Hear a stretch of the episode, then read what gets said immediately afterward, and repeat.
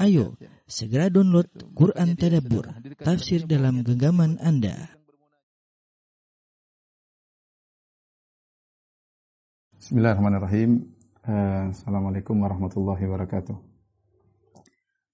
Alhamdulillahi ala ihsanih wa syukru lahu ala taufiqihi wa amtinanih asyhadu an la ilaha illallah wahdahu la syarika lahu ta'ziman li sya'ni wa asyhadu anna Muhammadan abduhu wa rasuluhu da'ila ridwanih Allahumma salli alaihi wa ala alihi wa ashabihi wa ikhwanih. Ikhwan akhwat yang dirahmati Allah Subhanahu wa taala, para jamaah majelis taklim Denurs yang dirahmati oleh Allah Subhanahu wa taala. Kita lanjutkan uh, pelajaran kita ya kajian rutin kita tentang kaidah-kaidah dalam Al-Qur'an yang berkaitan dengan kehidupan kita sehari-hari.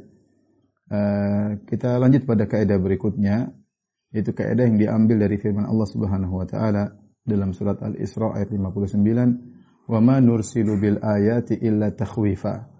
Dan tidaklah kami mengirim menampakkan ayat-ayat kami kecuali untuk memberi rasa takut pada manusia. Tidaklah kami uh, mengirim ayat-ayat kami kecuali untuk memberi rasa takut kepada uh, manusia ya.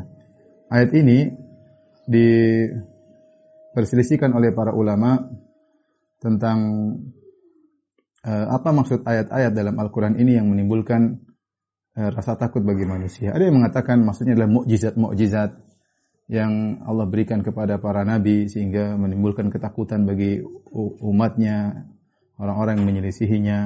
Ada yang mengatakan maksudnya adalah bencana-bencana alam yang Allah timpakan kepada uh, manusia ya. Uh, ini juga harusnya menimbulkan rasa takut kepada manusia. Demikian juga misalnya gejala-gejala alam seperti gerhana dan yang semisalnya yang harusnya menimbulkan rasa takut bagi manusia dan ada yang mengatakan bahwasanya yang dimaksud dengan tanda-tanda kekuasaan Allah adalah kematian yang tersebar dengan cepat ya disebabkan wabah atau yang lainnya. Intinya uh, Allah Subhanahu wa taala ya memunculkan dalam alam semesta ini kejadian-kejadian yang luar biasa yang harusnya menjadi pelajaran bagi manusia ya uh, agar mereka semakin takut kepada Allah Subhanahu wa taala. Dan ini di antara tafsiran mereka tadi saya sebutkan tafsiran para ulama di antaranya adalah wabah yang terjadi pada suatu masa di mana meregut nyawa begitu banyak dalam waktu yang uh, cepat. Ya. Demikian juga kejadian-kejadian alam seperti gempa bumi, kemudian tsunami atau yang lainnya. Ini semua adalah ayat-ayat uh, yang Allah kirim ya agar kita menjadi semakin takut kepada Allah. Bahwasanya alam semesta ini ada yang mengatur dan dia berhak melakukan apa yang dia kehendaki ya sesuai dengan hikmah yang di, dilihat oleh Allah Subhanahu wa taala. Yang jadi masalah ketika Allah mengirim ayat-ayat yang menunjukkan akan keagungannya Sebagian orang malah semakin jauh dari Allah Subhanahu wa taala, tidak mengambil pelajaran dari kejadian-kejadian tersebut ya. Makanya ketika Allah Subhanahu wa taala menenggelamkan Firaun ya, kata Allah Subhanahu wa taala, hatta idza adrakahul gharaqu qala amantu aman amantu annahu la ilaha illalladzi amana bihi banu Israil wa ana minal muslimin al-ana wa qad asaita qabla qablu wa kunta minal mufsidin فَالْيَوْمَ نُنَجِّيكَ بِبَدَنِكَ لِتَكُونَ لِمَنْ خَلْفَكَ آيَةً وَإِنَّ كَثِيرًا مِنَ النَّاسِ عَنْ آيَاتِنَا لَغَافِلِينَ ya. Ya, wa inna katsiran min nasi an ayatin laghafilun. Kata Allah Subhanahu wa taala tentang Firaun setelah Allah tenggelamkan kata Allah, "Fal yauma nunajjika bi badanika." Pada hari ini kami selamatkan jasadmu wahai Firaun ya. Untuk ditampakkan kepada manusia.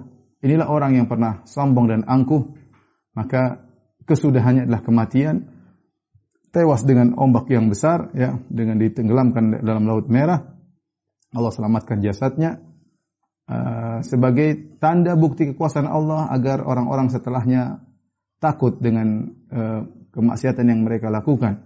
Tapi apa kata kata Allah? Wa inna katsiran minan nasi an ayatina laghafilun. Tapi banyak orang lalai daripada tanda-tanda yang kami kirimkan kepada mereka. Jadi ini terjadi. Allah berikan tanda-tanda kekuasaannya Allah. Ada gempa bumi, ada tsunami, ada kelaparan, ada apa namanya jatuhnya perekonomian, ada wabah, ada pandemi. Tapi sebagian orang biasa-biasa saja, ya. Masih lanjut dengan maksiatnya, hanya ketakutan sebentar, kemudian tidak kembali kepada Tuhan. Hanya ketakutan secara duniawi, ya. E, tidak sadar dan terus tenggelam dalam kemaksiatan yang mereka lakukan.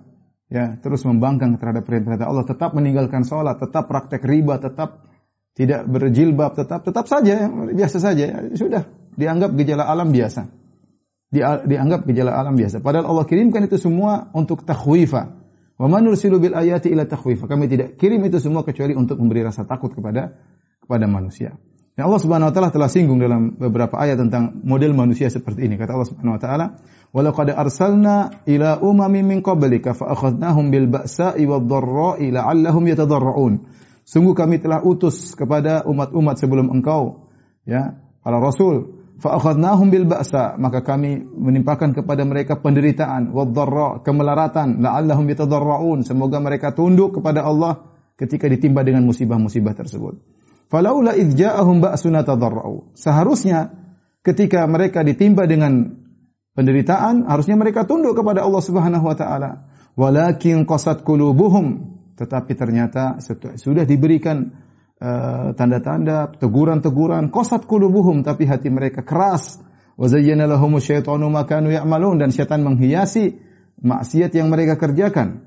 Falamma nasu ma dzukiru bihi tatkala mereka melupakan apa yang mereka diperingatkan, fatahna alaihim abwaaba kulli syai. Kami bukakan bagi mereka kenikmatan-kenikmatan dunia, ya. Allah kasih teguran mereka tidak peduli. Allah kasih nikmat. Buat mereka semakin lalai, istidraj, mereka semakin lalai. Kata Allah, fatahna alaihim abwaaba kulli syai. Kami bukakan segala pintu kepada mereka hatta idza farihu bima utu tatkala mereka sombong dan bangga dengan apa yang mereka dapatkan, akhadnahum baktatan fa idahum mublisun.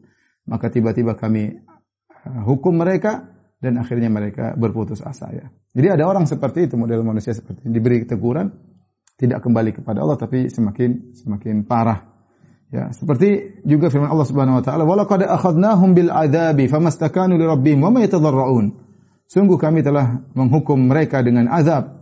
Famastakanu li rabbihim. Mereka tidak tunduk kepada Rabb mereka. Wa ma yatadarraun. Mereka tidak uh, menghinakan diri mereka di hadapan Allah. Tidak ya. Jadi ini yang yang jadi permasalahan ya terutama ketika uh, musibah tiba tersebut berkepanjangan. Musim kemarau berkepanjangan jatuhnya ekonomi berkepanjangan. Orang semakin semakin jauh dari Allah ya. Semakin suudzon kepada Rabbul Alamin. Semakin bermaksiat, semakin lepas uh, kendali dan ini terjadi ya. Uh, pada peristiwa pandemi yang kita alami ini, ada sebagian kejadian-kejadian kita lihat di luar negeri, uh, sebagian agama-agama lain ketika mereka ditimpa dengan masalah ini, maka mereka menghina agama mereka. Ada yang mengambil salib kemudian dimasukkan di bokongnya dan macam-macam kejadian-kejadian yang menunjukkan mereka sudah menganggap Tuhan tidak ada, justru Kejadian ini membuat mereka semakin semakin membangkang dan yang lain. Kita orang Islam jangan demikian ya. Kita yakin semuanya ini ada yang mengaturnya dan ini kembali kepada kesalahan-kesalahan dosa-dosa yang kita lakukan. Ya, dosa yang kita lakukan. Maka ketika Allah memberi teguran, ya hendaknya kita takut ya. Kita kita lihat bagaimana orang-orang dekat kita dipanggil oleh Allah Subhanahu wa taala. Harusnya kita semakin bersiap mempersiapkan diri untuk bisa semakin dekat kepada Allah Subhanahu wa taala. Jadi ketika Allah turunkan peringatan-peringatan ini ada rasa takut benar. Ya, bukan bukan bukan kita santai-santai saja, tidak ada rasa takut, takut agar kita semakin bertakwa kepada Allah. Ya, bukan takut membuat kita akhirnya lupa dengan Tuhan, takut dengan artinya takut kematian sehingga kita lalai, tidak, ada rasa takut, takut semakin takut kepada Allah. Kita tidak tahu sampai kapan pandemi ini, kita tidak tahu bagaimana ke depannya kita. Ya, maka seorang ketika ditimpa dengan bencana, musibah, maka segera kembali kepada Allah Subhanahu wa taala. Di antara hal juga yang yang yang uh, yang kita sedihkan dalam permasalahan-permasalahan seperti ini, sebagian orang uh, selalu mengkaitkan permasalahan ini dengan kejadian-kejadian alam semata tanpa mengkaitkan dengan perbuatan manusia, ya, tanpa mengkaitkan perbuatan manusia. Sehingga ketika terjadi bencana, seakan-akan kejadian alam hanya per, kejadian geologi atau uh, misalnya gempa atau apa hanya uh, hanya pergeseran lempengan bumi dan yang lainnya ya atau gejol, gejolak lava dan lahar dalam gunung seakan-akan suatu hal yang biasa. Ya, kita kita kita katakan benar tidak salah ketika seseorang mengkaitkan perbuatan kejadian-kejadian ini dengan eh, gejala-gejala uh, alam. Tapi ingat alam itu tidak berjalan sendirinya, alam benda mati, ada yang menggerakkannya. Ya, Ada yang menggerakkan alam tersebut, ada yang mengaturnya, ada yang menjadikan ini dan itu. Dan ketika Allah melakukan eh, kejadian-kejadian alam ini pasti ada sebabnya, pasti ada uh, sebabnya. Sebabnya adalah kembali kepada perbuatan manusia. Makanya Allah Subhanahu wa taala berfirman, "Dhaharal fasadu fil barri wal bahri bima kasabat aydin nas liyudhiqahum ba'd alladhi amilu la'allahum yarji'un." La'allahum yarji'un. Telah nampak kerusakan di daratan di lautan. Ya. Kenapa telah nampak kerusakan di daratan di lautan? Bima kasabat aydin nas, akibat perbuatan manusia. Allah ciptakan itu semua buat apa? Liyudhiqahum ba'dalladzi amilu, agar mereka merasakan akibat dampak sebagian perbuatan mereka tujuannya apa? La'allahum yarji'un agar mereka kembali, la'allahum yatadarraun agar mereka tunduk kepada Allah. Ya. Ini uh, ya, ini yang yang harus kita ingatkan. Jadi ketika kita berhadapan dengan musibah apa pun benar kita jelaskan secara uh, secara ilmu pengetahuan, secara sains, secara kedokteran, secara medis secara geologi, secara ilmu apalah ya, tetapi jangan lupa ada selip, kita selipkan bahwasanya kita harus kembali kepada Allah Subhanahu wa taala. Harus bertobat kepada Allah Subhanahu wa taala ya. Karena tidak ada kejadian-kejadian kecuali diakibatkan secara total kesalahan-kesalahan manusia. Ya. Kalau ada mengatakan Ustaz bagaimana negara-negara kafir mereka santai-santai bahkan mereka menjadi negara adidaya kita bilang itu urusan Allah Subhanahu wa taala. Allah membiarkan sebagian negara kafir semakin parah terserah Allah ya, terserah Allah. Allah bikin istidraj kepada mereka. Kita bicara tentang diri kita, kita tidak bicara tentang orang lain. Kita sadar bahwasanya kita banyak melakukan dosa-dosa ya. Jangan sampai di masa pandemi kita semakin terpuruk, semakin menjauh dari Allah Subhanahu wa taala. Maka jadilah kita termasuk orang-orang yang Allah cela dalam Al-Qur'an. Sudah diberi teguran, hati kita menjadi mati. Ya. Walakin qasat qulubuhum kata Allah tapi hati mereka menjadi mati, menjadi keras. Apa yang Allah kirimkan tanda-tanda, gafilun, mereka lalai. Dan Allah sebutkan orang seperti itu. Ya. Dan demikian hanya orang-orang yang beriman yang bisa memandang hal ini. Ya. Dan ini adalah suatu mengkaitkan antara mengkaitkan antara kejadian alam dengan perbuatan manusia ini adalah perkara dalam Islam eh, perkara yang yang prinsip. Sebagian orang tidak mengkaitkan hal ini hanya mengkaitkan kejadian alam dengan sekedar materi saja tanpa mengkaitkan dengan akibat perbuatan uh, uh, manusia ya.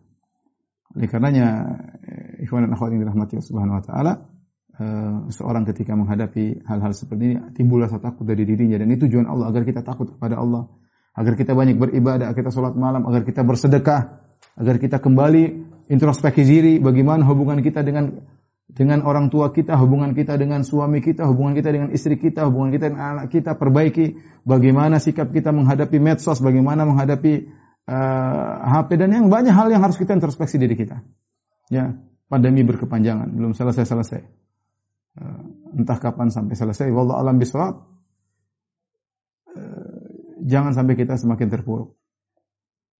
Sebagian orang semakin terpuruk, begitu pandemi selesai mungkin tambah parah. Ya, seakan-akan lepas daripada uh, ketakutan kemudian semakin bermaksiat kepada Allah maka waspada jadi Allah Subhanahu wa taala menurunkan ayat-ayat ini ya bagi orang yang beriman maka dia akan semakin takut kepada Allah dan dia menjadikan kejadian-kejadian seperti ini sebagai berkah bagi dirinya agar dia bisa semakin bertakwa kepada Allah Subhanahu wa taala. Oleh karenanya diriwayatkan dari Ibnu Mas'ud radhiyallahu uh, taala anhu ketika disebutkan ada khasf yaitu ada longsor ya kejadian kemudian misalnya longsor memakan korban banyak ya.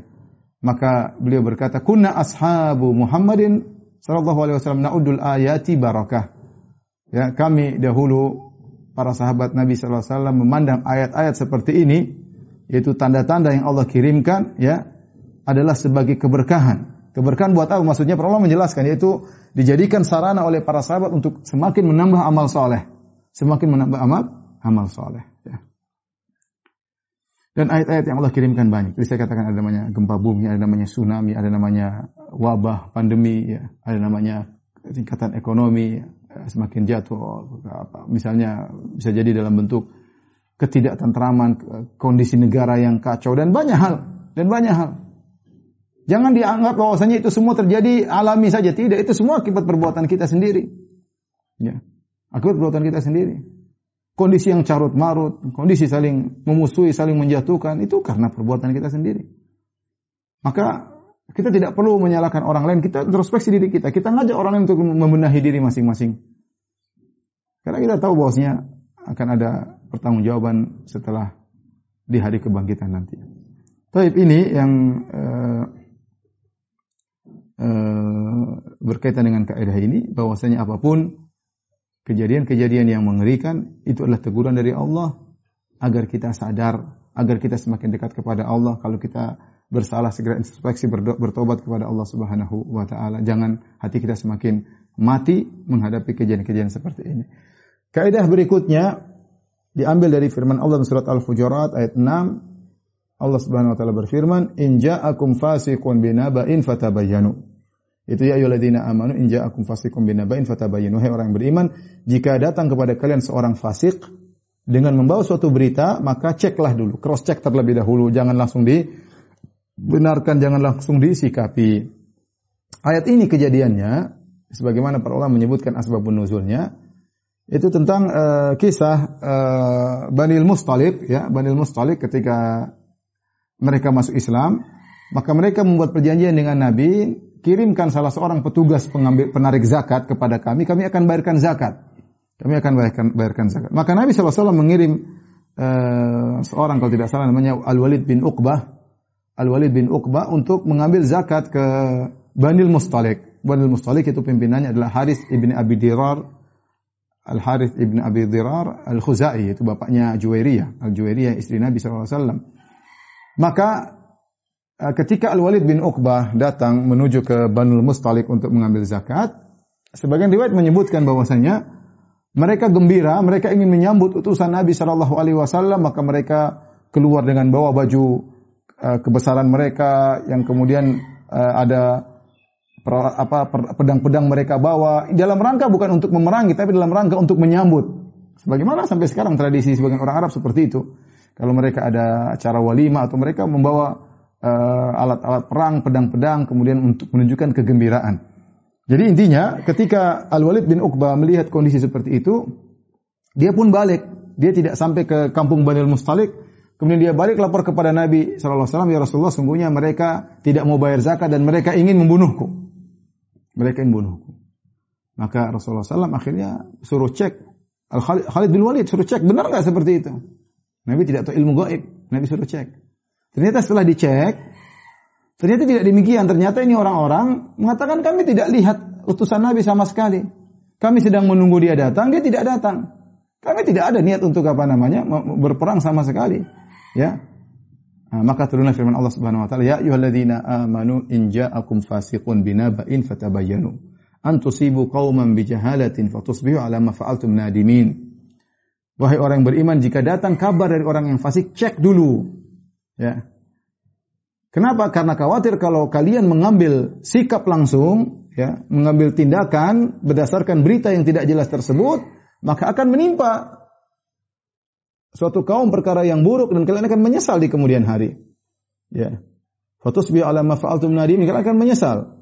Seandainya Nabi tidak cross check kemudian Nabi menyerang Banil Mustalik maka akan berapa banyak kaum muslimin akan terbunuh atau paling tidak akan terjadi pertumpahan darah di antara mereka, antara sahabat dengan mereka. Tetapi alhamdulillah dicek dulu. Ternyata tidak demikian dan ini adalah faedah yang sangat penting bagi kita dalam menjalani kehidupan kita sehari-hari terutama kita bermuamalah dengan medsos berita-berita hoax yang tersebar. Dan ini bukan sekedar masalah politik saja yang kita gunakan kaidah ini dalam kehidupan sehari-hari.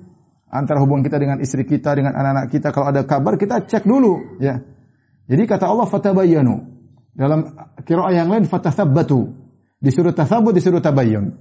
Apa maknanya tasabut dan tabayyun? Ada yang mengatakan maknanya sama, ada yang mengatakan maksudnya tasabut pertama kau cek dulu beritanya benar atau tidak. Cek beritanya benar atau tidak. Namanya tasabut. Kalau beritanya benar, yang kedua tabayun. Apa maksud berita tersebut? Cek dulu. Bukan berarti berita benar, kemudian kita salah memahami berita tersebut. Tidak sesuai dengan kenyataannya. Contoh maksud saya gini, contoh. Ada seorang, kita lihat di depan rumah, ada yang lapor kita. Ustadz si Fulan, bulan puasa, bulan Ramadan dia makan di depan rumahnya. Saya lihat Ustadz, wah. Kita cek benar ternyata beritanya dia mungkin foto dia mungkin sesuatu yang lihat orang makan ya benar berarti tasabut kita sudah tasabut beritanya benar Baik, ada tahap kedua yang harus kita cek lagi, tabayun. Yaitu apa maksud dari kenapa dia makan di luar? Kita cek, oh ternyata setelah dicek, ternyata dia uh, ternyata dia tidak pu, tidak puasa karena dia baru pulang dari safar. Meskipun bulan Ramadan, ternyata dia pulang dari safar dan dia tidak berpuasa, jadi dia makan di luar ya. Oleh karenanya dua hal perlu kita cek, tasabut dan tabayun. Bisa jadi berita itu datang benar, tetapi tafsirannya tidak sesuai dengan kenyataannya. Tafsirannya tidak sesuai dengan kenyataannya. Ya, maka ini harus kita perhatikan. Kita bermuamalah dengan anak buah kita, bermuamalah dengan bos kita, bermuamalah dengan istri kita, bermuamalah dengan suami kita, bermuamalah dengan berita-berita yang berkaitan dengan politik, dengan yang berkaitan dengan mengancam keamanan negara, maka waspada. Maka waspada. Ingat ayat ini, ya ayyuhalladzina amanu in ja'akum fasikum binaba'in fatabayyanu. Kalau datang uh, suatu berita maka cross check terlebih dahulu. Sekarang saya tanya sama para pemirsa, para jamaah uh, Majelis Ta'lim dan Nurs ya. Coba kita renungkan. Sekarang kita ini berhadapan dengan banyak sekali berita di media. Silih berganti tiada henti-hentinya. Apa kita bisa cek? Mungkin tasabut mungkin. Tasabut aja belum benar ada berita begini. Itu pun belum benar. Berita begini, ada terjadi begini. Kenapa? Karena yang berikan berita kita nggak tahu yang tulis berita ini siapa. Reporter tuh orangnya sikoh atau tidak terpercaya atau tidak tambah-tambahin atau dikurang-kurangin atau berita pesanan kita nggak tahu. Kita nggak tahu. Saya misalnya seorang ustadz disuruh menganalisa suatu kejadian, saya tidak bisa menganalisa. Karena kalau saya menganalisa, saya harus punya sumber berita yang saya pastikan kebenarannya dan itu saya tidak punya. Mau kantor berita mana pun saya tidak bisa memastikan benar atau tidak. Apakah mereka semua sikoh? Saya nggak kenal mereka. Yang kedua, saya harus cek juga bagaimana, kenapa terjadi demikian. Itu butuh penelitian, butuh uh, satgas tertentu untuk bisa mengecek itu semua. Maka ketika itu bukan bidang saya, saya tidak bisa menjalankan fatabayyanu, mending saya diam. Mending saya diam. Daripada saya membela sesuatu, ikut berkomentar yang akhirnya menimbulkan suatu mudarat yang lebih besar yang kata Allah antusibu qauman bijahala fatusbihu ala ma fa'altum nadimin akhirnya menimpa kemudaratan kepada suatu kaum karena kebodohan kalian. Kemudian fatusbihu ala ma fa'altum nadimin kemudian kalian akan menyesal atas komentar kalian, atas uh, provokasi kalian. Oleh karenanya, ikhwan dan akhwat yang dirahmati Allah Subhanahu wa taala, di zaman-zaman yang penuh fitnah, yang kita tidak tahu kejelasan suatu berita benar atau tidak, maka di antaranya jalan keselamatan adalah kita tidak ikut campur. Ini saya bicara silam. Kalau Anda punya bukti, Anda punya Anda sudah cross check silakan Anda ikut serta menurut Anda baik. Tapi kalau Anda tidak punya alat untuk mengetahui benar atau tidak, ya. Kemudian Anda tidak tahu bagaimana kejadian yang sungguhnya kalaupun benar ya. Tidak bisa tasabut, tidak bisa tabayun, maka apa kata Allah? Wala takfu ma laisa ilm. Jangan kau ikuti apa yang tidak kau punya ilmu tentangnya. Inna sam'a wal basara wal fuada kullu ulaika kana anhu mas'ula. Sungguhnya penglihatan, pendengaran dan hati akan diminta pertanggungjawaban oleh Allah Subhanahu wa taala pada hari kiamat kelak. Lebih selamat. Oleh karena di musim-musim fitnah uh, Nabi SAW mengatakan uh, uh, bahwasanya orang yang apa namanya al-qaidu fiha khairun minal qaim yang duduk di masa fitnah itu lebih baik daripada yang berdiri. Artinya dia semakin menjauh dari fitnah-fitnah tersebut, tidak ikut campur, tidak ikut gubris. Lebih baik daripada yang berdiri. Wal qa'imu fiha khairun minal mashi. Yang berdiri masih lebih baik daripada yang berjalan menuju fitnah tersebut. Wal mashi khairun minas sa'i. Dan orang yang berjalan lebih baik daripada yang berlari menuju fitnah tersebut. Ya artinya Rasulullah SAW menyuruh kita untuk menjauhi hal-hal yang kita tidak punya kejelasan. Ada orang-orang yang berkompeten yang mengurus silakan. Karena ikhwan dan akhwat setiap apa yang kita komentari kita minta pertanggungjawaban.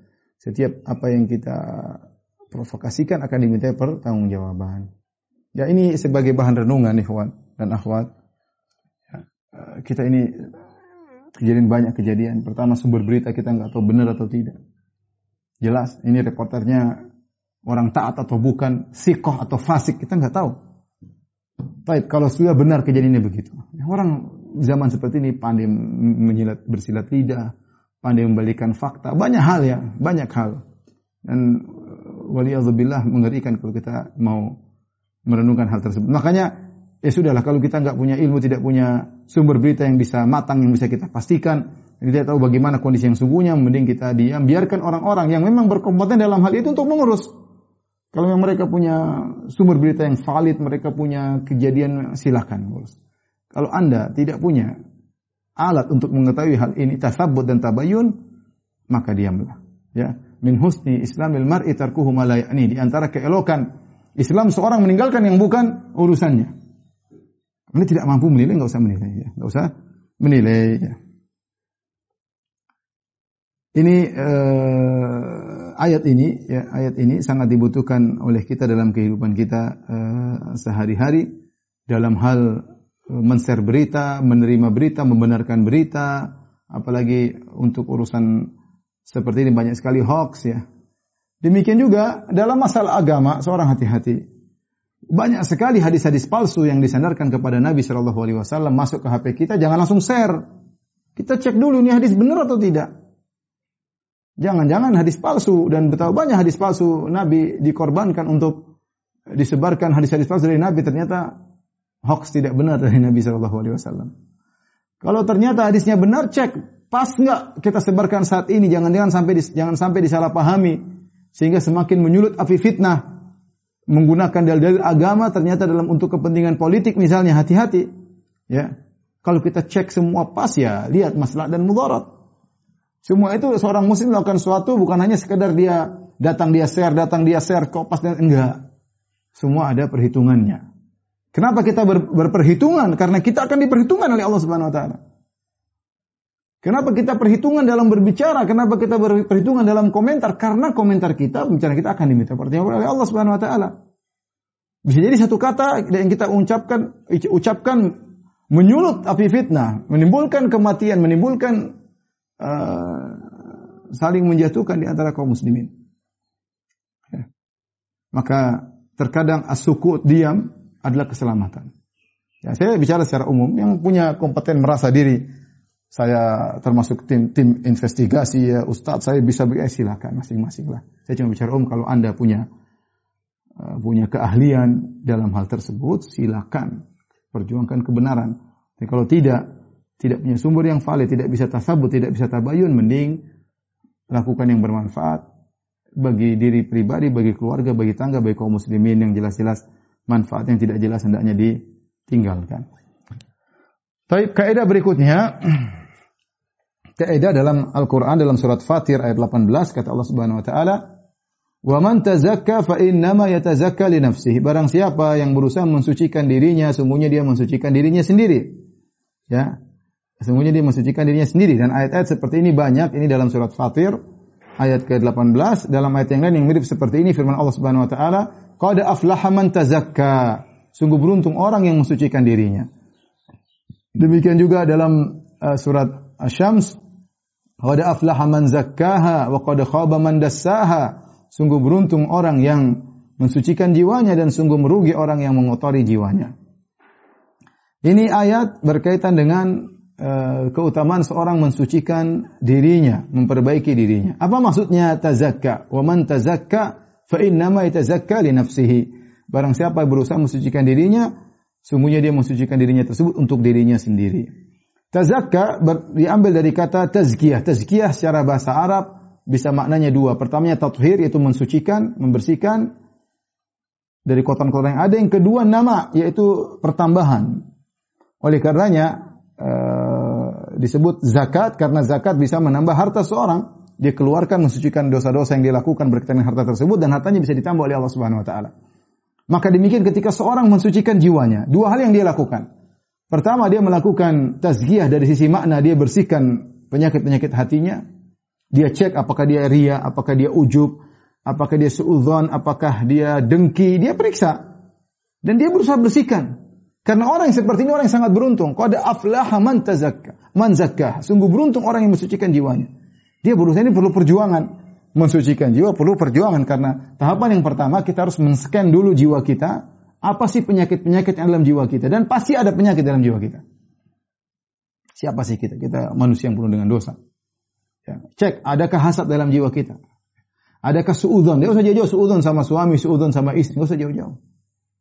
hasad sama terkadang kepada keluarga, terkadang kepada kakek, terkadang kepada kakak, terkadang adik, kepada tetangga, masih ada penyakit enggak?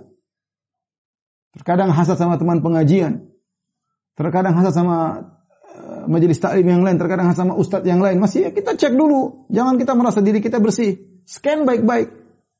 Saya ada hasad enggak? Saya ada dengki enggak? Saya ada uh, suudzon enggak? Ya. Ria belum kita cek hati kita ria atau tidak, ikhlas atau keujub, macam-macam. Kita berusaha berusaha bersihkan diri. Perlu ini perlu perjuangan. Ya kalau bersihkan badan gampang tinggal mandi ya sudah selesai. Apalagi ibu-ibu kalau depan cermin bersihkan wajahnya gampang. Dibersihkan kemudian dihiasi selesai. Ya kalau hati butuh perjuangan. Butuh mengenal dalam mengidentifikasikan penyakit yang ada dalam hati kita. Scan setelah itu kita berusaha memperbaiki satu demi satu penyakit-penyakit hati kita. Ini itu perlu perjuangan, perjuangan seumur hidup. Ya. Tapi orang yang berusaha mensucikan jiwanya maka dia beruntung. Kenapa dia beruntung ikhwan dan akhwat yang dirahmati Allah Subhanahu wa Kalau ternyata jiwanya sudah suci, maka outputnya akan baik. Ya. Akan baik perkataannya, akan bahagia kehidupannya, bagaimana muamalah terhadap istrinya, bagaimana muamalah terhadap suaminya, bagaimana sikapnya terhadap orang tuanya, Ya, bagaimana semangat dia beribadah, semua kembali kepada jiwanya tersebut. Tapi kalau ternyata makanya Allah mengatakan fa inna yatazakkali nafsi kalau dia mensucikan jiwanya untuk dirinya yang buruk yang untung bukan bukan Allah. Allah tidak butuh dengan keimanan kita semua. Ini kembali kepada diri kita wa ma yashkur fa inna ma yashkuru nafsi. Barang siapa yang bersyukur untuk dirinya sendiri. In ahsantum ahsantum li anfusikum. Kalau kalian berbuat baik adalah untuk diri kalian sendiri. Tapi maksud saya ini perlu perjuangan, ikhwan. Ikhwan dan akhwat, perlu perjuangan. Ibu-ibu juga perlu perjuangan ya. Jangan setiap hari kemudian melihat berita ini, berita anu, kemudian medsos, lihat macam-macam dunia yang hanya mengotori hati kita. Ya, kita ada waktunya kita seperti itu, ada sering waktunya kita perbaiki diri kita. Berusaha mencucikan diri kita dengan pengajian, dengan baca Al-Quran, dengan perenungan-perenungan tentang keagungan Allah, tentang penyakit-penyakit hati kita. Ini semua perlu kita sengajakan. Makanya, uh, Qad aflaha man zakkaha. Sungguh beruntung orang yang mensucikan. Jadi ada berusaha untuk mensucikan uh, jiwanya ya.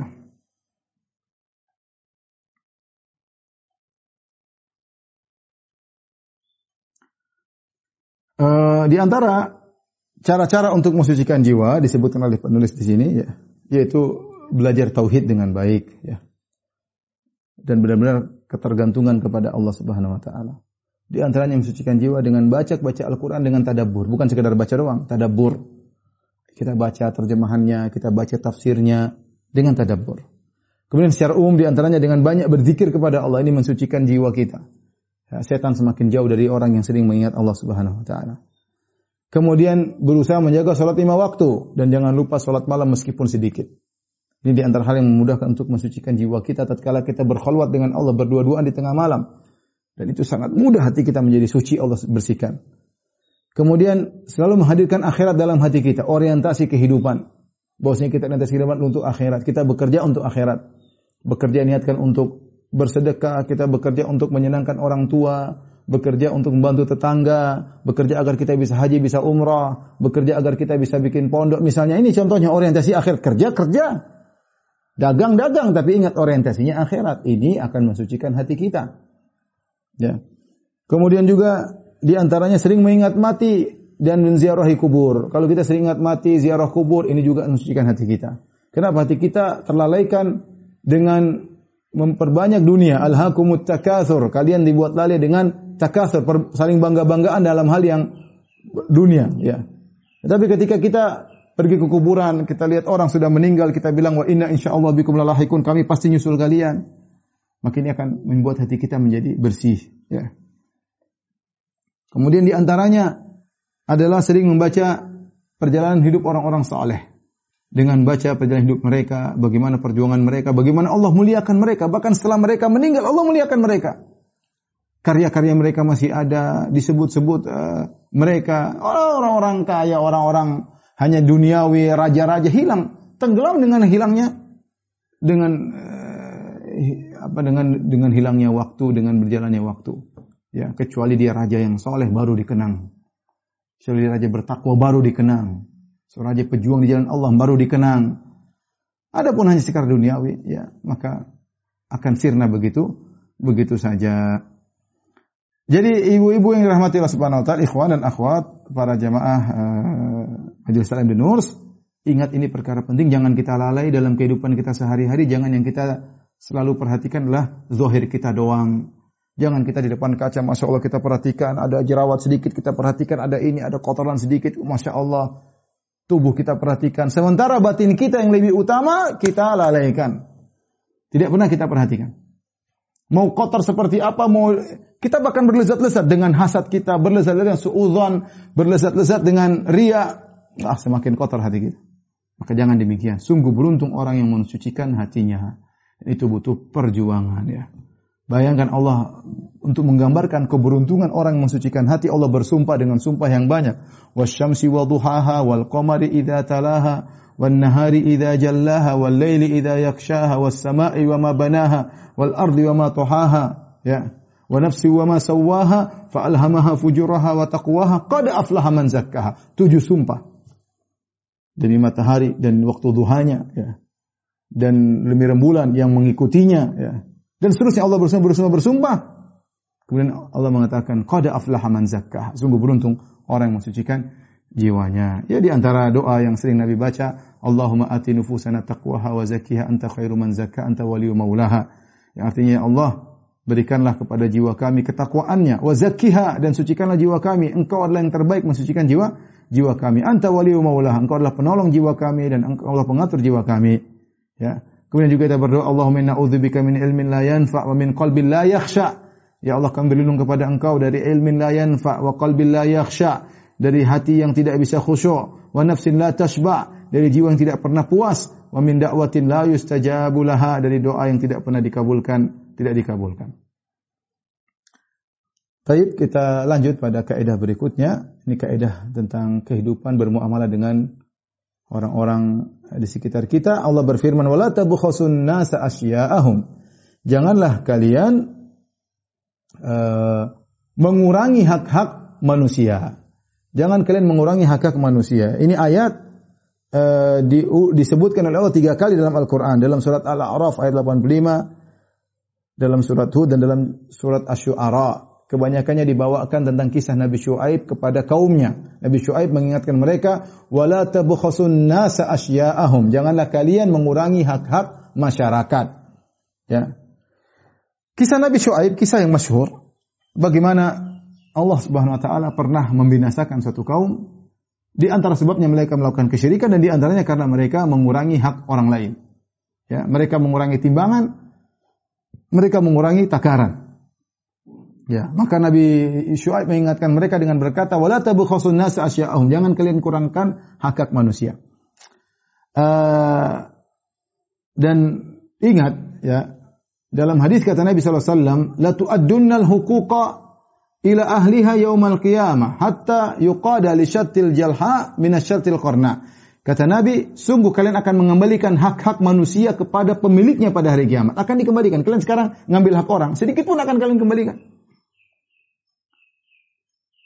Jangankan kalian bahkan hewan, ketika ada kambing yang tidak bertanduk, ditanduk oleh kambing bertanduk, maka dia akan dikisos pada hari kiamat kelak. Supaya Nabi menekankan, kalau hewan saja Allah tidak biarkan, apalagi manusia yang mengambil hak orang orang lain. Ya, maka jangan pernah menyepelekan perbuatan mengambil hak orang lain, itu adalah zalim. Dan az-zulm zulumatun yaumal qiyamah. Kezaliman adalah kegelapan yang bertubi-tubi pada hari kiamat kelak. Uh, ikhwan dan akhwat yang dirahmati Allah Subhanahu wa taala. Oleh karenanya dalam Al-Qur'an tidak ada surat dibuka dengan kata wail, celaka kecuali dua surat.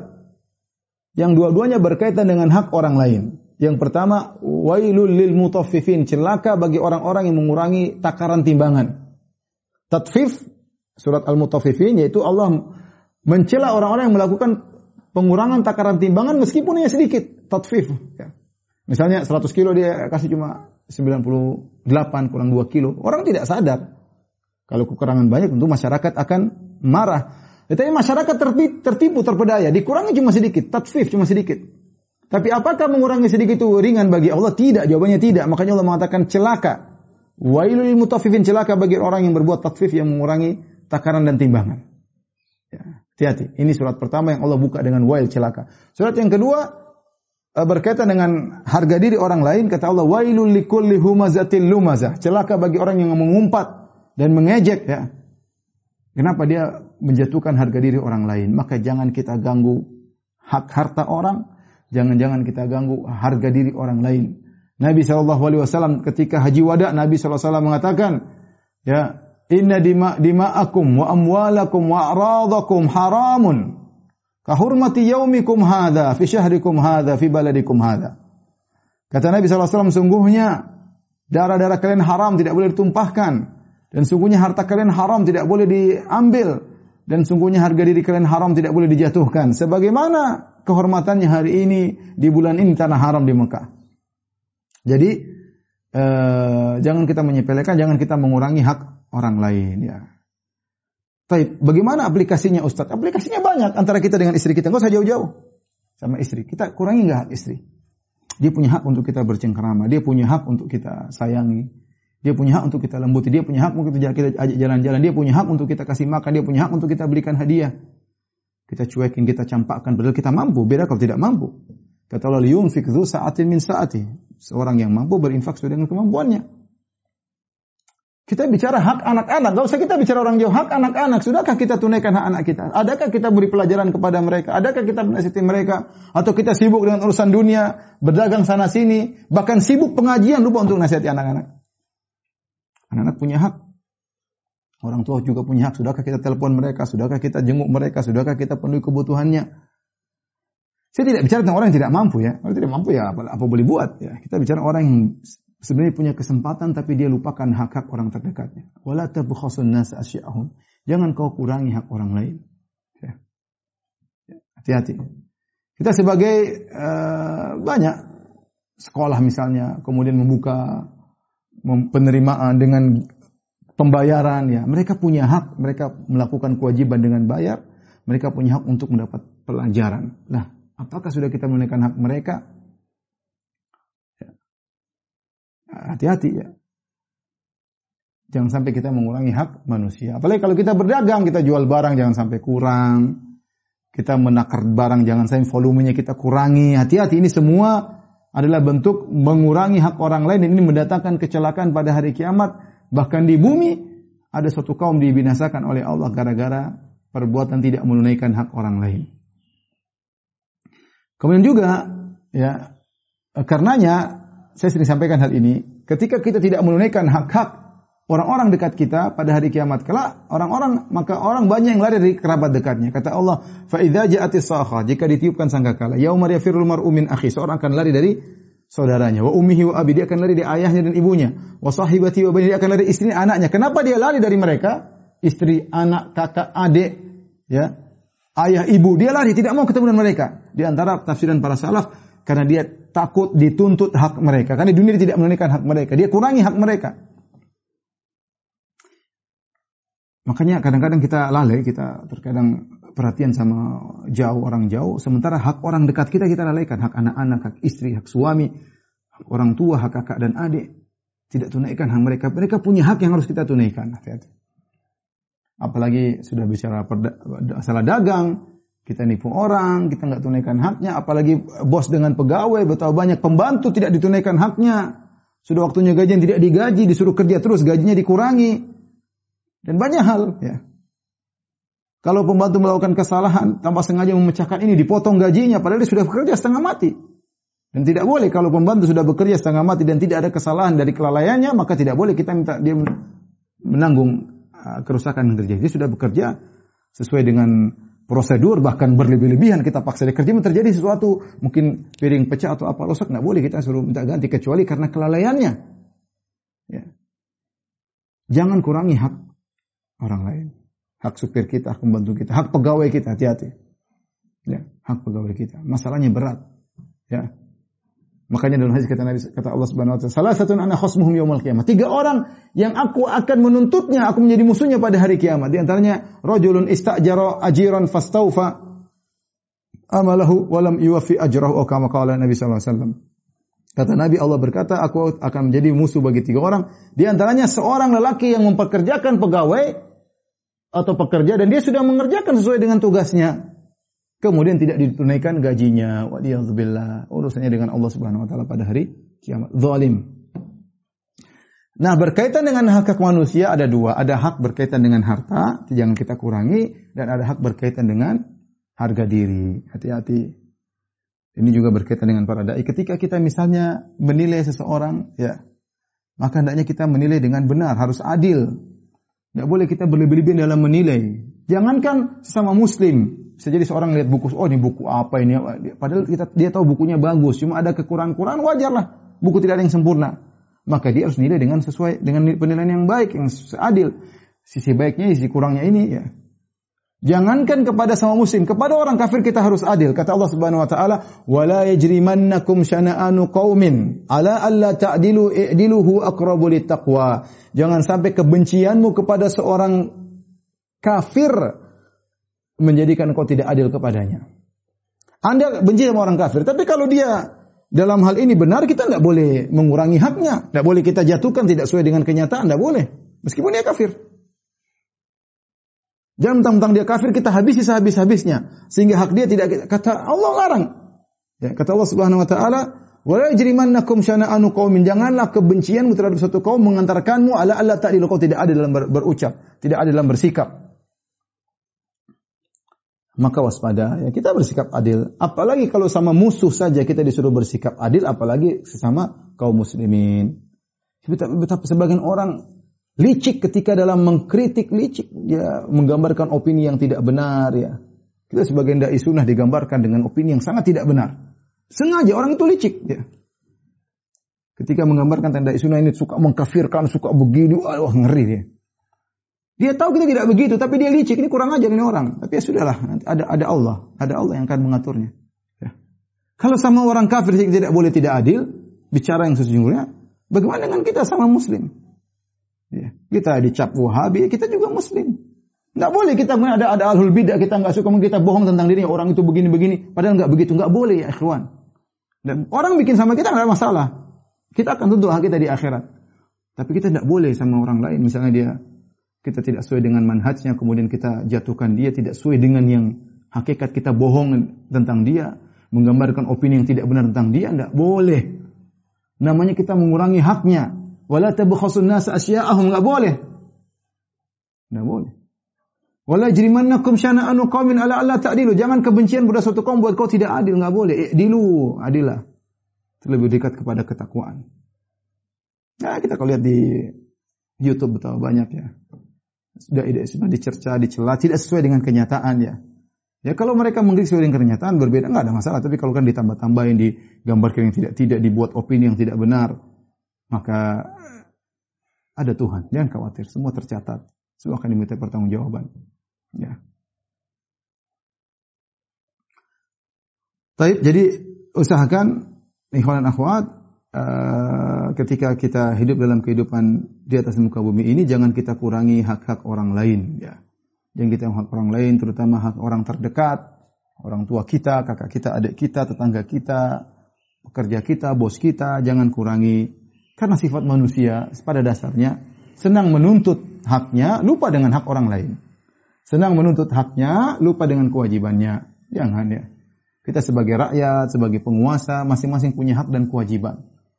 Ya, jangan sekedar, hanya sekedar pandai menuntut hak, lupa dengan kewajiban. Kewajiban penguasa terhadap rakyat dikerjakan, kewajiban rakyat terhadap penguasa harus dikerjakan. Kewajiban bos terhadap pegawai dikerjakan, kewajiban pegawai terhadap bos di, ditunaikan.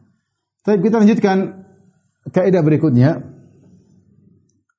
Kaidah di mana diambil dari surat At-Talaq ayat 3 Allah Subhanahu wa taala berfirman wa may yatawakkal 'ala Allahi fahuwa hasbuh. Barang siapa bertawakal kepada Allah maka cukuplah Allah baginya. Ini kaidah yang sangat agung ikhwan dan akhwat yang dirahmati Allah Subhanahu wa taala para jamaah majelis taklim dan nur yang dirahmati Allah Subhanahu wa taala. Bagaimana seorang berusaha bertawakal kepada Allah dalam segala kondisi. Selalu mengantungkan hatinya kepada Allah Subhanahu wa taala.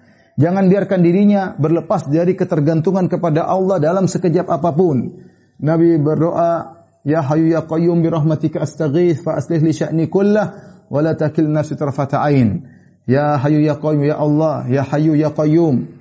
Birahmatika astaghith, aku mohon dengan rahmatmu, faslili sya'ni kullah. Perbaikilah segala urusanku, luruskanlah segala urusanku. Segala urusan aku dengan istriku, aku dengan suamiku, aku dengan anak-anakku, urusanku banyak.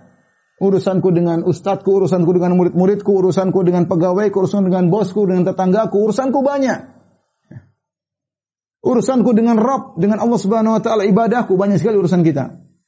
Ya Allah, luruskanlah segala urusanku. Seluruhnya. Wala takil nafsi tarafat. Jangan kau biarkan diriku bersandar kepada diriku sendiri. Jangan kita pede dengan diri kita. Jangan. Kita bersandar kepada Allah. Kita pede kalau Allah di belakang kita. Kalau enggak, jangan kita sandarkan segala kepada diri kita. Berarti kita enggak tawakal. Tawakal itu perkara yang menakjubkan, ikhwan. Dalam segala hal tawakal. Makanya orang-orang yang masuk surga tanpa azab dan hisab, apa kata Nabi SAW? Wa ala rabbim yatawakkalun. Mereka orang yang bertawakal kepada Allah Subhanahu Wa Taala. Nah kita ini kurang tawakalnya. Tawakal dalam hal tertentu aja. Ya. Sebagian orang mau ini baru tawakal. Mau melamar baru tawakal. Mau nikah lagi baru tawakal. Padahal urusan tawakal banyak. Ya. Tawakal banyak. Kita beribadah butuh tawakal. Kita keluar rumah butuh tawakal. Kita baca Quran butuh tawakal. Kita umrah butuh tawakal. Fa'buduhu wa tawakkal alaih. Kata Allah beribadah, beribadahlah dan bertawakal. Sehingga namanya ibadah butuh tawakal. Ya. Salat butuh tawakal wa tawakkal alal hayyil ladzi la yamut alladzi yaraka hina taqum. Wa taqallubaka fis sajidin. Bertawakallah engkau kepada zat yang maha hidup dan tidak akan mati, yang melihat engkau tatkala engkau berdiri salat. Salat juga butuh tawakal. Ditawakal nih karena barang siapa yang bertawakal kepada Allah maka cukuplah Allah baginya. Allah akan mengurusi urusannya. Taib ayat ini turun dalam surat At-Talaq berkaitan dengan masalah perceraian. Ya. Yang ketika orang bercerai, dia sedang menghadapi permasalahan yang sangat berat. Saya rasa di antara permasalahan hidup yang sangat berat ketika terjadi perceraian. Bagaimana seorang laki yang sudah berhidup hidup rumah tangga dengan seorang wanita bertahun-tahun, bahkan mungkin sudah punya anak 2, 3, 4, 5, sampai 7 dan seterusnya. Kemudian terjadi perceraian. Urusannya berat, urusannya berat. Dendam, marah, bercampur aduk, ya, kesedihan, kejengkelan, bercampur aduk. Makanya ayat ini turun pada kondisi yang sangat berat pada manusia itu ketika dia sedang menceraikan atau sedang dicerai. Hendaknya dia bertawakal. Hendaknya dia bertawakal. Tapi ayat ini umum tentunya. Tapi di antara kondisi yang sangat berat dihadapi seorang ketika sedang mengalami perceraian. Ya. Allah Subhanahu wa taala eh, eh, berfirman tentang masalah perceraian ya Kata Allah, "Fa balagna ajalahunna fa'amsikuhunna bima'rufin." Allah mengatakan dari, dari awal ayat, "Ya ayuhan nabi idza talaqtumun nisaa fatalliquhunna li iddatihinna wa ahsul iddah wattaqullaha rabbakum la tukhrijuhunna min buyutihinna wa la yakhrujna illa yatina bi fahishatin mubayyinah." Kalau kalian menceraikan istri kalian, maka ceraikan pada waktu yang tepat. Jangan sembarang cerai, tapi tunggu dia suci dan belum kalian gauli baru ceraikan. Kemudian kalau kalian sudah menceraikan, Jangan keluarkan mereka dari rumah mereka dan mereka juga tidak boleh keluar dari mereka. Jangan marah-marah suruh pulang sana, pulang enggak. Enggak boleh. Kalau talak satu, talak dua tidak boleh. Tetap dia mereka tinggal di rumah rumah suami ya. Kemudian kata Allah, "Fa idza balagna ajalahunna famsikun nabi ma'rufin aw fariquh nabi ma'ruf." Kalau ternyata masa iddahnya sudah mau selesai, dua kalian lakukan. Kalau mau kembali meneruskan pernikahan, maka dengan cara yang baik. Kalau mau cerai, dengan cerai yang baik, kata Allah au fariquhun nabi ma'ruf dengan cara yang baik. Kemudian datangkan wa asyidu dawi adli minkum, datangkan dua saksi ketika kau ingin kembali wa aqimu syahadata lillah tegakkanlah syahadah persaksi Allah. Dzalikum yu'adzu bihi man kana yu'minu billahi wal yawmil akhir. Inilah nasihat dari Allah kepada orang yang beriman kepada Allah dan hari akhirat.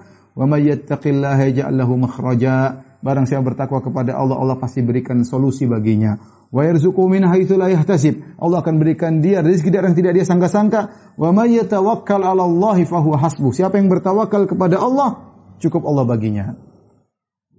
Nah, orang ketika melakukan perceraian, terkadang dia tidak bertawakal ya. Dia bersandar kepada urusan duniawi. Harusnya dia bertawakal, tawakal dalam menceraikan, tawakal ketika dicerai. Kalau kita bertawakal, apakah kita sebagai dalam posisi menceraikan atau sebagai wanita yang diceraikan, Allah akan kasih keluar. Kenapa perceraian banyak tidak menimbulkan solusi? Karena ini tidak bertawakal. Suami nyerainya ngawur dengan cara tidak baik, dendam, berteriak-teriak, ngawur berkelahi, baru cerai. Padahal Allah mengatakan, Aufariquhun Nabi Ma'ruf, ceraikan dengan cara yang baik. Istri juga ketika diceraikan juga ngawur, kemudian sana bongkar-bongkar aib suami, pokoknya ah macam-macam lah. Akhirnya perceraian menimbulkan kehancuran. Istri jadi janda terkatung-katung, tak gimana suami entah apa, mungkin kacau ya. Dan itu banyak terjadi. Kenapa? Ketika dia melakukan perceraian, dia tidak bertawakal. Bukan karena Allah subhanahu wa ta'ala. Padahal seorang bertawakal uh, dalam urusan cerai penting ya, penting. Agar ada solusi, agar agar ada jalan keluar dan agar Allah berada di di belakangmu ya. Allah akan menolongmu kalau kau bertawakal dalam kondisi yang sangat sulit yaitu menceraikan. Intinya ikhwan dan akhwat yang dirahmati Allah Subhanahu wa taala, meskipun ayat ini berkaitan dengan masalah perceraian, tetapi intinya ya eh, tetapi intinya kita harus eh, apa namanya bertawakal ya dalam segala hal ya ini hanya sekedar contoh dalam Al-Qur'an bertawakal dalam masalah perceraian tapi dalam segala hal yang lain Allah contohkan dan Nabi sebutkan kita harus bertawakal dalam segala hal. Tentunya namanya tawakal itu kita sertakan dengan ikhtiar. Kita ikhtiar sambil menyerahkan hati kita kepada Allah Subhanahu wa taala. Ada perkataan yang indah ya dari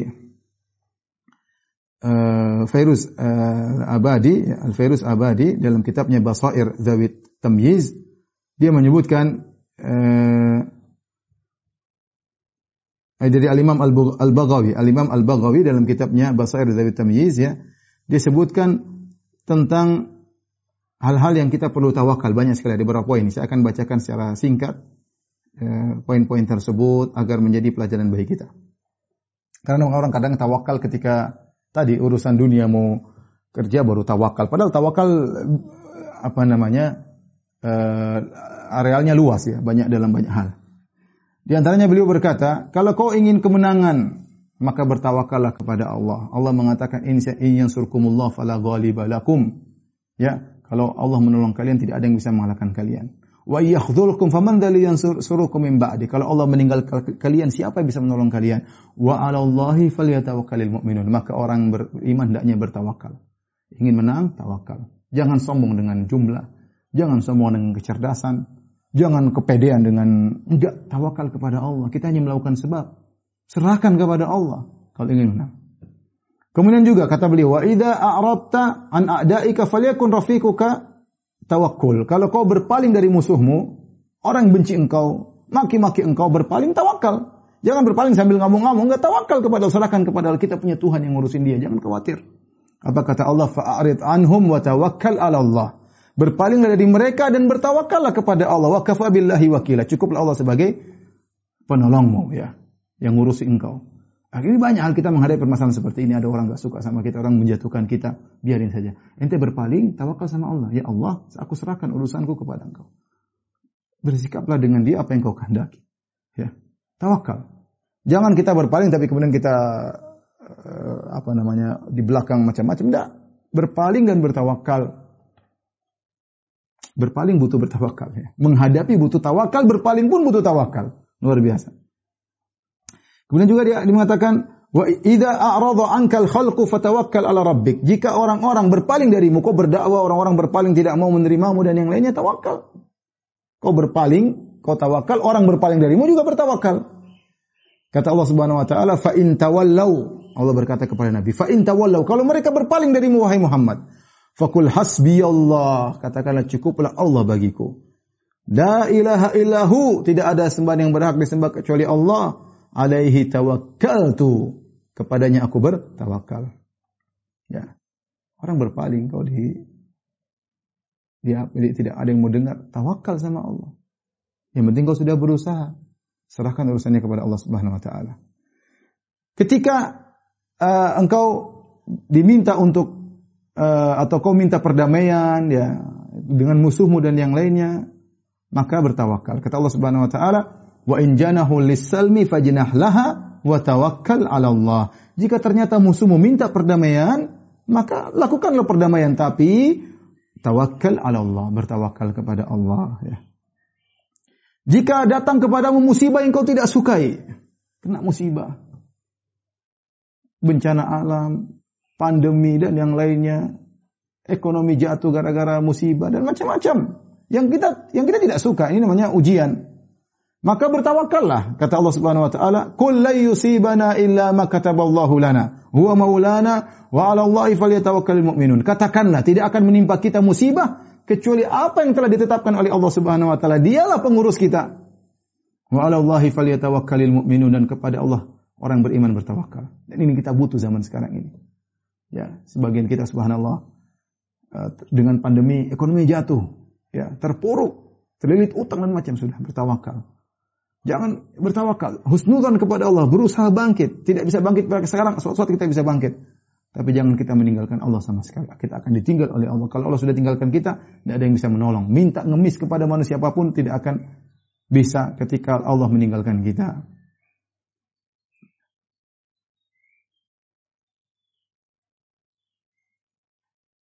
Demikian juga dalam beribadah, kita suruh bertawakal, fa'buduhu wa tawakkal alaih. Ya, beribadahlah dan bertawakal kepada Allah. Umroh kita tawakal, haji kita bertawakal, salat kita bertawakal, baca Quran kita bertawakal, ya. Semua kita serahkan kepada Allah Subhanahu wa taala.